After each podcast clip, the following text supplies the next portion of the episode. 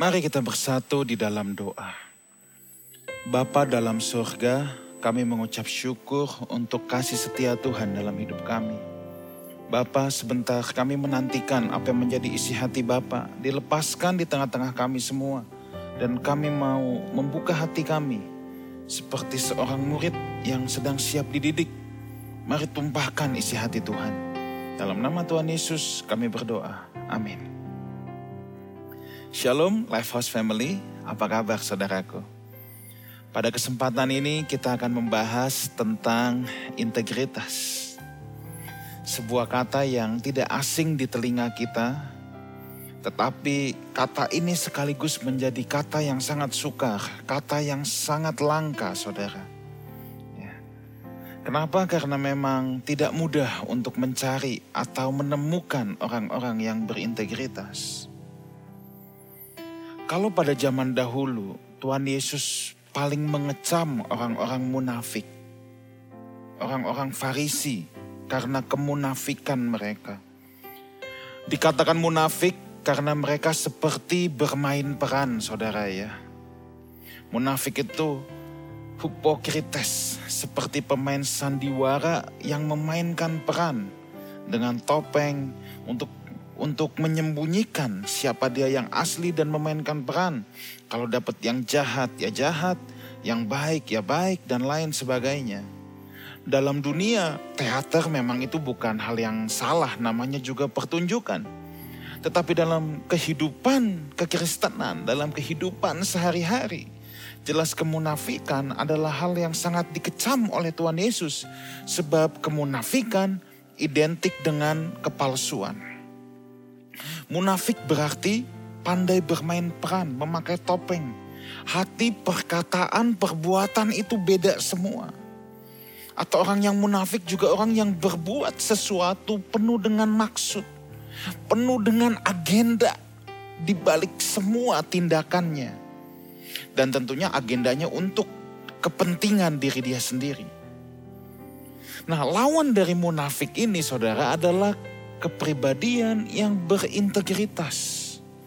Pribadi yang berintegritas adalah orang yang memiliki keselarasan dalam pikiran, perasaan, perbuatan, dan perkataan.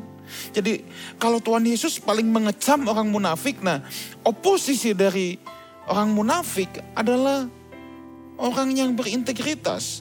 Dan pribadi yang berintegritas adalah orang yang memiliki keselarasan, kesamaan, kesesuaian dalam pikiran dia, perasaan dia, perbuatan dia, dan perkataannya. Selaras semua, sejalan, searah, sesuai. Nah kalau orang munafik itu bisa berbeda-beda. Saya teruskan dulu. Integrity berasal dari kata integrate.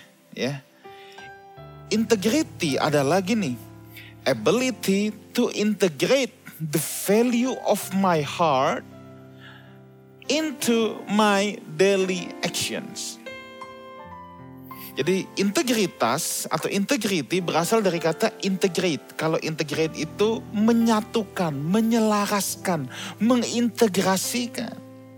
Dan integritas adalah kemampuan untuk mengintegrasikan, untuk menyatukan, untuk menyelaraskan nilai-nilai yang ada dalam hati kita, lalu ditranslatekan, dipraktekkan dalam perbuatan nyata kita sehari-hari. Itulah integritas. Ada kemampuannya. Tadi saya katakan kemampuan untuk mengintegrasikan value dalam hati kita. Berarti dalam konteks integritas seorang Kristen, ya. Integritas sangat bertalian dengan nilai hidup, the value of my heart tadi saya katakan. Integritas sangat bertalian dengan value yang ada atau nilai yang ada dalam hidup kita. Dalam konteks integritas seorang pengikut Kristus, maka value yang ada dalam dirinya harus bersumber dari Alkitab, harus bersumber dari kebenaran firman Tuhan, bukan dari tempat yang lainnya. Bukan dari tempat yang lainnya. Jadi memang integritas itu bisa bersifat subjektif, saudara. bisa bersifat subjektif. Contoh, kalau dalam dunia mafia, nilai yang mereka pegang dalam batin dia salah benar pokoknya saya bela temen. Misalnya gitu, atau saya bela kelompok saya nih. Mau salah benar saya bela kelompok saya. Jadi ketika mereka bahkan membunuh untuk mempertahankan kelompoknya, bagi mereka sah-sah saja dan itu tidak melanggar integritas mereka. Maka saya harus garis bawahi dulu bahwa konteks kita ini adalah integritas seorang pengikut Tuhan. Maka value yang kita gunakan, tadi kan integritas adalah untuk menyelaraskan, untuk mengintegrasikan value yang ada dalam diri kita kepada perbuatan sehari-hari, our daily actions. So, kalau integritas orang percaya, value-nya berasal dari mana? Ini persoalannya. Maka value-nya harus berasal dari kebenaran firman Tuhan. Tidak bisa dari tempat yang lain. Makanya orang yang beriman pasti berintegritas. Sebab iman hanya timbul dari pendengaran. Pendengaran oleh firman Kristus. Ketika seseorang terus diisi oleh kebenaran firman Tuhan, saudaraku ya, maka akan membentuk sistem nilai dalam hidupnya. Nah, sistem nilai itulah yang merupakan bahan baku daripada integritas yang dia miliki. Nah, integritas itu bukan bakat alami, saudara. Integritas itu bukan karunia tapi integritas adalah hasil sebuah proses. Integritas adalah hasil sebuah konsistensi untuk menghidupi nilai-nilai yang ada dalam hidupnya. Nilai-nilai yang dia percayai, nilai-nilai yang diyakini sebagai nilai yang benar.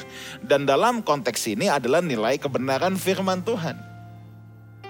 Saudara, integritas itu bukan bawaan lahir saudara ya saya suka bilang gini, ada orang yang punya karisma, saudara.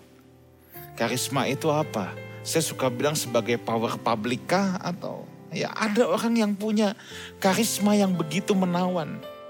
Kalau dengan bahasa sehari-hari bikin orang nengok, kira-kira gitu. Ya. Satu kali saya pernah melayani, saya menghadiri satu acara waktu saya masih muda, saudara ya dengan pendeta yang ya sangat terkenal saudara ya. Sangat terkenal.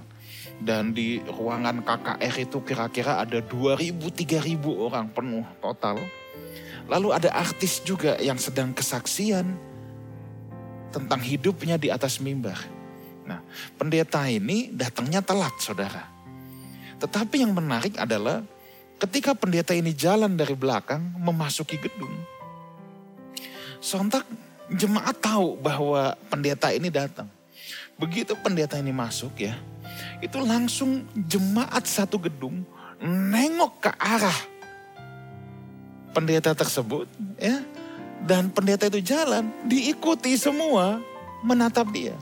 Sementara dia berjalan masuk, sementara orang satu gedung liatin dia, ya. Tetapi sang artis yang diundang kesaksian juga sedang bicara. Sampai sang artis itu bilang gini, saudara-saudara nengok ke depan dulu dong. Bapak pendeta itu kan juga nggak ke mana-mana. Tetap pasti nanti khotbah sekarang nengok ke depan dulu sampai kayak gitu saudara. Nah, saya bukan bilang pendeta ini atau si artis tidak berintegritas. Enggak, saya sedang ingin mencontohkan bahwa memang orang, ada orang yang memiliki power public itu atau karisma itu biasanya tokoh yang karismatis. Dan saya harus tekankan, itu nggak perlu jadi Kristen dulu. Itu bisa bawaan lahir. Ada begitu banyak tokoh-tokoh dunia yang punya bawaan bakat, kemampuan seperti itu. Ya, sekalipun non Kristen ada banyak sekali. Ya, dan memang ada orang yang dikaruniai seperti itu.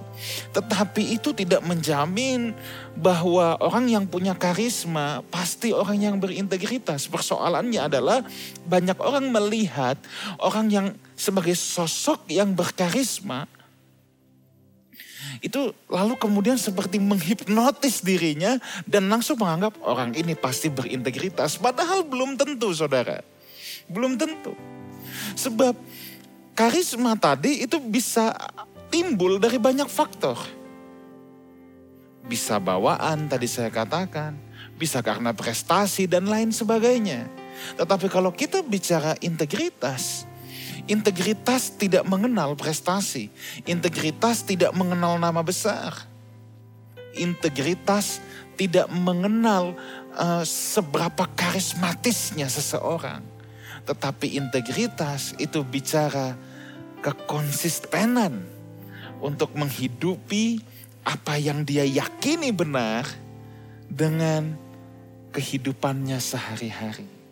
Itu integritas. Itu sebabnya integritas adalah sesuatu yang harus kita putuskan.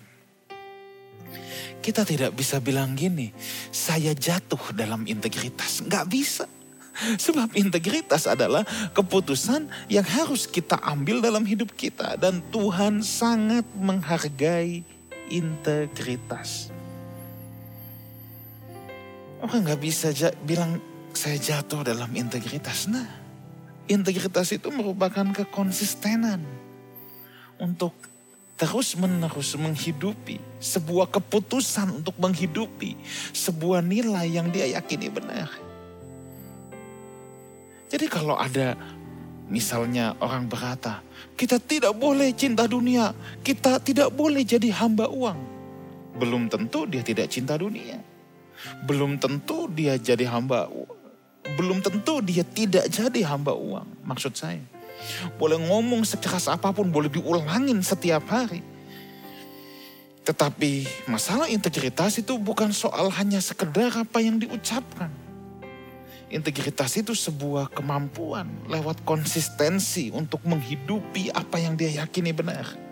Nah, orang yang berintegritas akan selalu memperhitungkan Tuhan dalam niat dan perbuatannya. Jadi bukan hanya perbuatannya saja, tetapi harus datang dari niatnya dulu. Saya mau ajak kita semua lihat dalam kejadian 39 ayat 8 sampai 9. Ini cerita Yusuf sudah dipercaya di rumah Potifar, saudara. Ya, dia belum jadi perdana menteri saat itu, tapi dia jadi seperti kepala rumah tangga. Wah, Potifar ini pejabat penting juga, saudara ya. Nah, lalu kita lihat ayat yang ke-8. Jadi kalau saudara baca sebelumnya, istrinya Potifar ini, Tante Poti ya, Tante Poti ini genit saudara. Tante Poti genit, Yusuf ini pasti jauh lebih muda, perawakannya ganteng ya saudara ya. Tetapi Yusuf menolak dan berkata kepada istri tuannya. Jadi tante Poti tadi mau godain Yusuf, ajak selingkuh. Tapi Yusuf menolak dan berkata kepada istri tuannya itu. Dengan bantuanku, tuanku itu tidak lagi mengatur apa yang ada di rumah ini. Wah Yusuf ini berarti orang yang punya skill yang mumpuni bisa mengambil alih tugas dan ia telah menyerahkan segala miliknya pada kekuasaanku. Oh, kuasanya besar saudara. Sampai dipercaya Yusuf pasti orang yang berintegritas. Kalau dia tidak berintegritas, Potifar tidak akan menyerahkan segala miliknya untuk diatur oleh Yusuf. Ini orang kepercayaan saudara. Bahkan di rumah ini ia tidak lebih besar kuasanya daripadaku dan tiada yang tidak diserahkannya kepadaku selain daripada engkau. Jadi kata Yusuf sama istrinya, gila saya ini dipercaya banget loh. Yang gak diserahkan tuh cuma satu, ibu doang. Ya iya, masa berbagi istri saudara ya. Sebab engkau istrinya kata Yusuf, lihat ini. Poin ini yang kita garis bawahi. Bagaimanakah mungkin aku melakukan kejahatan yang besar ini dan berbuat dosa terhadap Allah. Lihat, yang diperhitungkan Allah, Tuhan. Bukan soal kekuasaannya, bukan soal sekedar membalas budi dari Tuhan Potifar. Itu juga pasti ada dalam benak Yusuf. Tetapi yang dia lebih perhitungkan adalah Tuhan. Makanya tadi saya katakan orang yang berintegritas akan selalu memperhitungkan Tuhan di dalam niat dan perbuatannya. Orang yang berintegritas selalu memperhitungkan Tuhan, saudara. Dalam niat dan perbuatannya. Makanya ketika Yusuf diajak berbuat dosa, ingat tadi integritas adalah sebuah keputusan. Yusuf memutuskan untuk aku tidak mau berbuat dosa ini. Dan yang diperhitungkan karena dia orang yang berintegritas, orang berintegritas pasti dapat dipercaya. Yang diperhitungkan adalah Tuhan Bagaimana aku bisa berbuat kejahatan yang besar dan berbuat dosa terhadap Allah. Saudara, ada banyak orang tidak selingkuh mungkin karena takut sama pasangan hidupnya. Tidak selingkuh takut ditinggal anak-anaknya. Tidak selingkuh takut kehilangan jabatannya. Tidak selingkuh takut kehilangan nama baiknya. Ini contoh saja tidak selingkuh, takut kehilangan pekerjaannya dan lain sebagainya. Tapi belum tentu dia tidak selingkuh karena dia takut akan Tuhan. Tetapi orang yang berintegritas sebagai orang percaya, yang paling pertama diperhitungkan adalah Tuhan. Aku tidak selingkuh, bukan sekedar aku tidak mau melukai pasangan hidupku, itu pasti harus kita perhitungkan. Tetapi yang menjadi fondasi paling kuat di atas semuanya adalah karena aku takut akan Tuhan. Karena aku tidak mau melukai hati Tuhan. Aku tidak mau korupsi sebab aku takut akan Tuhan bukan sekedar takut ketahuan, takut sama KPK, takut di penjara, bukan sekedar itu, tapi aku takut sama Tuhan itu menjadi motivasi yang paling dasar dari seorang percaya yang memiliki integritas ilahi. Sehingga takut akan Tuhan menjadi modal yang paling dasar. Hari-hari ini sukar dijumpai orang yang serius takut akan Tuhan. Orang bisa rajin kebaktian, orang bisa rajin dengar khotbah. Bahkan bisa rajin berkhotbah. Tetapi menemukan orang yang takut akan Tuhan itu tidak mudah. Panjangnya jam doa, banyaknya berkhotbah, seringnya ikut kebaktian tidak menjamin seseorang takut akan Tuhan. Sebab ini harus keputusan yang dibangun setiap hari. Amsal 28 ayat 6. Lebih baik orang miskin yang bersih kelakuannya daripada orang yang berliku-liku jalannya sekalipun ia kaya. Terjemahan LITV, better the poor walking in his integrity. Bersih kelakuan. Lihat, orang yang berintegritas bersih kelakuannya. Sebab apa? Integritas merupakan tadi yang saya katakan keputusan yang diambil dalam kehidupan keseharian. Dalam kondisi sesulit apa pun, yang tepat sesuai dengan nilai-nilai kebenaran yang diyakininya. Jadi benar sekali kata Amsal, better the poor walking in his integrity. Sekalipun dalam kesulitan, dalam kondisi sesulit apa pun, dia harus tetap membuat keputusan untuk mengambil tindakan yang sesuai dengan nilai-nilai kebenaran yang diyakininya. Mungkin saudara pada saat ini yang menyaksikan ini ada yang sedang terkena efek daripada pandemi yang belum kunjung selesai. Tetapi dengar baik ini, satu hal yang harus kita pertahankan, bersih kelakuan kita. Integritas kita di hadapan Tuhan. Itu yang harus kita pertahankan saudara. Itu yang harus kita pertahankan. Ayub adalah seorang yang berintegritas. Dia tidak bisa mengkhianati Tuhan dalam integritasnya. Coba kita lihat. Ini di awal dulu kita lihat. Ayub 2 ayat 3 sampai 9. 3 dan 9 maksud saya. Ayat 3 ya. Firman Tuhan kepada iblis, apakah engkau memperhatikan hambaku Ayub? Sebab tiada seorang pun di bumi seperti dia yang demikian saleh dan jujur, yang takut akan Allah dan menjauhi kejahatan. Ia tetap tekun dalam kesalehannya. Nah kata ini He's still holding fast in his integrity. Keluar kata itu. Meskipun engkau telah membujuk aku melawan dia untuk mencelakakannya tanpa alasan. Jadi Yus, uh, Ayub sudah mulai dicobai. Diberikan penyakit, kekayaannya diambil. Tetapi ia tetap tekun dalam kesalehannya. Dia tetap memegang holding fast his integrity. Nah istri Ayub nggak tahan dengan keadaan ini. Aku sudah berbuat baik, kita hidup baik-baik saja, tetangga kita tolong, ini kita tolong, kita nggak rugikan orang, kita mengasihi orang. Kenapa Tuhan tega begini kejam berbuat sama aku seperti ini? Ayat 9, maka berkatalah istrinya kepadanya, masih bertekunkah engkau dalam kesalehanmu, kutukilah Allahmu dan matilah. Do you still hold fast your integrity? Keluar lagi kata itu saudara.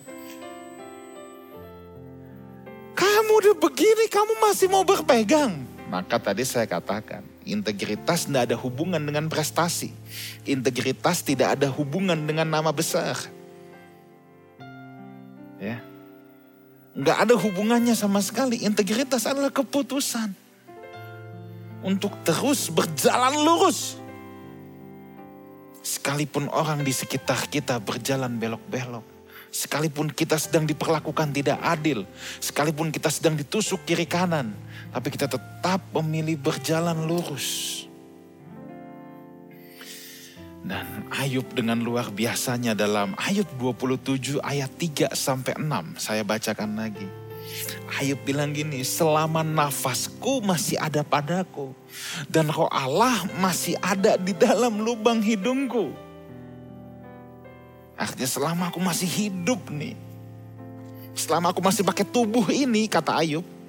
Maka bibirku sungguh-sungguh tidak akan mengucap kecurangan. Dia mempertahankan nilai yang dia percayai dalam hidupnya dan lidahku tidak akan melahirkan tipu daya. Aku nggak curang. Aku boleh susah tapi aku nggak akan curang. Ayat 5. Aku sama sekali tidak membenarkan kamu sampai binasa. Aku tetap mempertahankan bahwa aku tidak bersalah. Kata aku tidak bersalah di sana. Juga aku tetap akan berpegang pada integritasku. Sampai binasa lebih baik aku mati. Aku tetap berpegang kepada integritasku. Artinya apa yang aku yakini. Tentunya dalam konteks ini Ayub seorang yang bergaul dengan Tuhan saudara. Aku tetap akan meyakini dan menghidupi nilai-nilai yang aku yakini benar. Kebenaranku ku pegang teguh dan tidak ku lepaskan. Hatiku tidak mencela sehari pun pada umurku. Nah, dari tadi yang kita baca dari Ayub 2, Ayub 27, di mana kata integrity itu keluar uh, dalam keadaan tidak bersalah, dalam keadaan kesalehan tadi. Nah, itu dalam bahasa Ibrani tumah. Tumah itu memang diartikan integrity, innocence, tidak berdosa, tidak bersalah. Tumah ini juga bisa diartikan sebagai whole, utuh, komplit. Dengar baik ini. Hanya orang yang berintegritas yang bisa mencintai Tuhan dengan tulus. Hanya orang yang berintegritas yang bisa mencintai Tuhan dengan tulus. Sebab mereka mencintai pribadi Tuhan, bukan mangkoknya Tuhan. Kita harus tanya sama diri kita, apakah aku mencintai Tuhan dengan tulus? Kalau kenyamanan diambil dari hidupku, apakah aku tetap bisa mencintai Dia? Kalau hal-hal yang baik diambil dalam hidupku, apakah aku tetap bisa mencintai pribadi Dia? Aku mencintai Tuhan atau mangkoknya Tuhan? Saya percaya tidak ada yang di life house. Tetapi banyak orang mencintai mangkoknya Tuhan bukan pribadinya. Yang sering saya katakan beli mobil dapat payung. Yang dikejar payungnya. Demi dapat payung dia beli mobil. Kita belajar Jadi orang yang tulus, orang yang berintegritas juga adalah orang yang utuh hidupnya.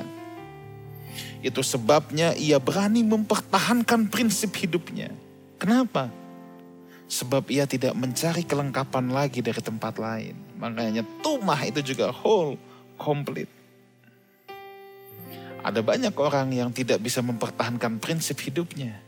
Sebab dia merasa hidupnya belum lengkap. Dia harus cari kelengkapan dari tempat lain.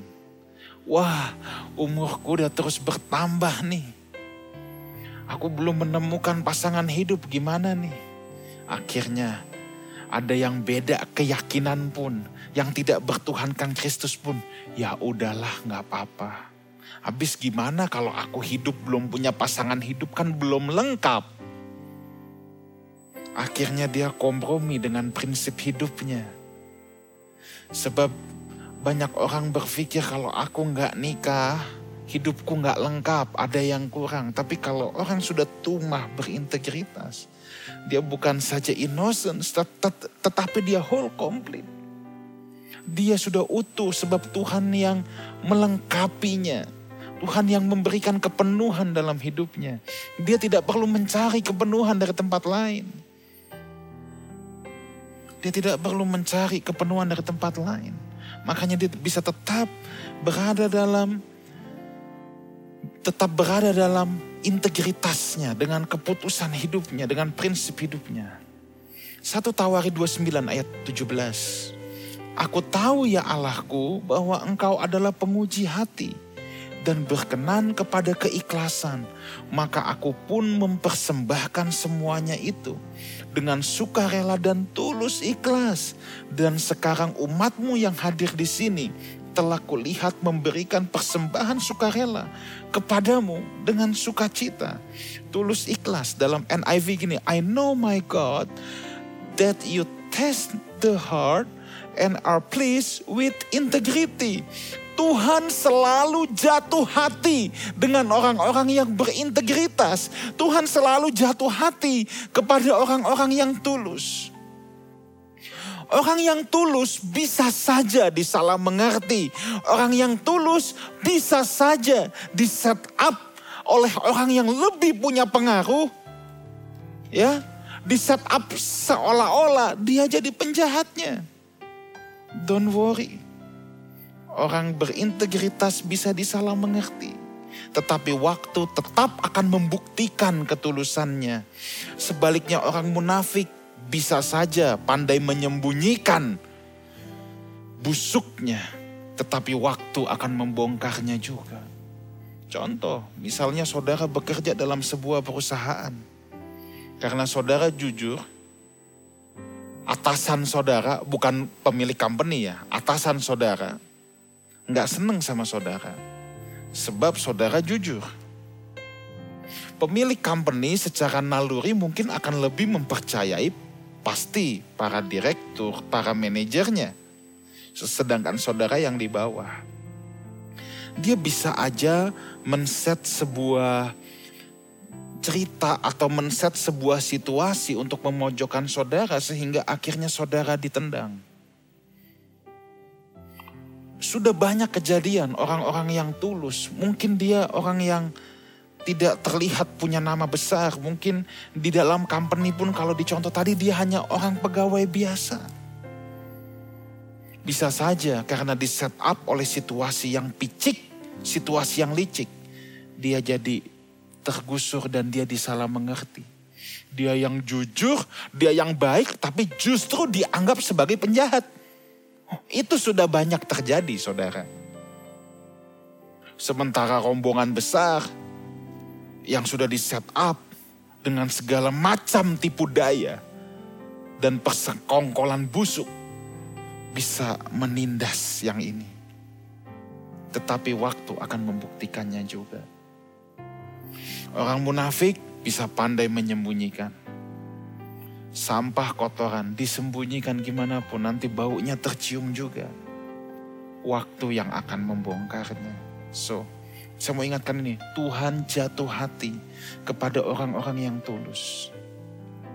Saudara tulus saja, jalan lurus saja. Ya. Saya kasih satu jurus. Kalau saudara diomongin yang enggak-enggak, saudara dituduhkan hal yang tidak-tidak, periksa hati saudara. Apakah saudara berjalan lurus, tulus? Yang paling penting saudara tetap tulus, saudara lurus. Orang boleh belok-belok kanan kiri, saudara lurus saja. Lurus saja. Kita nggak usah belok kanan, kita nggak usah belok kiri. Saya tutup dengan satu kisah ini. Kejadian 20 ayat 1 sampai 6. Lalu Abraham berangkat dari situ ke tanah Negeb dan ia menetap antara Kades dan Syur. Ia tinggal di Gerar sebagai orang asing. Oleh karena Abraham telah mengatakan tentang Sarah istrinya, dia saudaraku. Maka Abimelek Raja Gerar menyuruh mengambil Sarah. Tetapi pada waktu malam Allah datang kepada Abimelek dalam suatu mimpi serta berfirman kepadanya, engkau harus mati. Karena perempuan yang telah kau ambil itu, sebab ia telah, telah bersuami.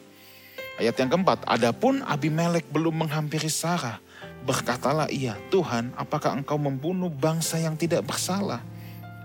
Bukankah orang itu sendiri mengatakan kepadaku, dia saudaraku dan perempuan itu sendiri telah mengatakan, ia saudaraku. Jadi hal ini kulakukan dengan hati yang tulus dan dengan tangan yang suci. Dalam bahasa Inggris, in the integrity of my heart and innocency of my hands have I done this. Lalu berfirman Allah kepadanya dalam mimpi, aku tahu juga bahwa engkau telah melakukan hal itu dengan hati yang tulus maka aku pun telah mencegah engkau untuk berbuat dosa terhadap aku. Sebab itu aku tidak membiarkan engkau menjamah dia. Jadi ceritanya gini, satu kali Abraham dan Sarah tinggal di Gerar sebagai orang asing. Penguasa setempat ngelihat Sarah, boleh juga nih. Lalu Sarah uh, Abimelek tanya sama Abraham, dia siapa? Abraham berpikir kalau aku bilang bahwa dia adalah istriku, mati gue pasti dibunuh. Lalu dia bilang, enggak itu saudara. Memang masih ada hubungan saudara kalau dilihat. Tetapi konteksnya adalah Abraham itu sebenarnya takut dibunuh oleh Abimelek. Lalu karena Abimelek dengan tulus, dengan polos saja, Sarah mau diambil sebagai istrinya. Lalu malam-malam Tuhan mau bunuh dia. Tuhan menghampiri dia. Lalu Abimelek bilang, in the integrity of my heart, and innocency of my hands have I done this. Maka Tuhan bilang, aku tahu bahwa engkau telah melakukan ini dengan hati yang tulus. Itu sebabnya aku mencegah engkau. Dengar baik ini, integritas adalah salah satu hal yang sangat menyenangkan hati Tuhan bagi orang yang berintegritas, bagi orang yang tulus, bagi orang yang jalannya lurus, Saudara, Tuhan pun bisa mencegah engkau berbuat dosa. Tuhan bisa mencegah engkau dari engkau jatuh ke dalam sebuah kesalahan fatal. Tuhan bisa cegah dengan banyak hal. Tuhan mungkin bisa menempatkan orang-orang yang tulus juga di sekelilingmu. Sehingga ketika engkau mau jatuh, orang-orang itu akan mengangkat engkau naik. Akan mencegah engkau, jangan sampai engkau jatuh tergeletak. Kitab Amsal memang berkata setiap orang lurus menurut pandangannya sendiri. Tetapi Tuhan yang menguji hati. Dan kita juga harus melihat orang-orang sekeliling kita. Kita pasti merasa diri kita benar. Tetapi kita lihat orang-orang di sekeliling kita. Kalau orang-orang di sekeliling kita toxic people. Orang-orang benalu, parasit. Kita harus periksa. Jangan-jangan ada yang salah dengan hidupku yang menjadi inner circle kita semua orang-orang yang bermasalah. Tetapi kalau inner circle kita juga orang-orang benar, orang-orang tulus. Maka kemungkinan kita juga terbiasa hidup berintegritas. Kalau enggak orang-orang tulus juga nggak mau ada di sekitar saudara. Jadi pastikan komunitasmu. Pastikan orang-orang yang ada di sekelilingmu. Supaya ketika engkau mau jatuh pun ada yang menahan. Ketika engkau mau jatuh pun ada yang mengangkat. Tuhan jatuh hati sama orang-orang yang yang berintegritas. Bahkan Tuhan bisa mencegah orang-orang yang lurus, yang tulus dari berbuat kesalahan. Integritas juga as simple as you can count on me. I will keep my word. Engkau bisa percaya sama saya, bisa reliable. I'm not sell for any price. Ya, saya tidak bisa dibeli. Orang yang berintegritas adalah orang yang memegang value dalam hidupnya. Integritas adalah buah konsisten latihan karakter. Ya. Saya tutup dengan satu kisah ini. Polikarpus, murid dari Rasul Yohanes. Rasul Yohanes yang menuliskan kitab Wahyu dan Injil Yohanes. Adalah Rasul Tuhan Yesus yang hidup paling lama. Dia mati tua, saudara. Ini punya murid langsung namanya Polikarpus. Seorang bapak gereja. Yang akan dibakar hidup-hidup dalam masa aniaya dan ditantang untuk menyangkali imannya. Jadi Polikarpus mau dibakar hidup-hidup dan ditantang. Kalau engkau menyangkal, kami ampuni. Lalu dia berkata gini, 86 tahun saya melayani Tuhan dan tidak pernah ia mengkhianati aku dan mencurangi aku. Masa di akhir hidupku aku harus mengkhianati dia dan mencurangi dia. Itulah integritas. Saya berdoa, Life House Community. Mungkin kita bukan orang terkenal.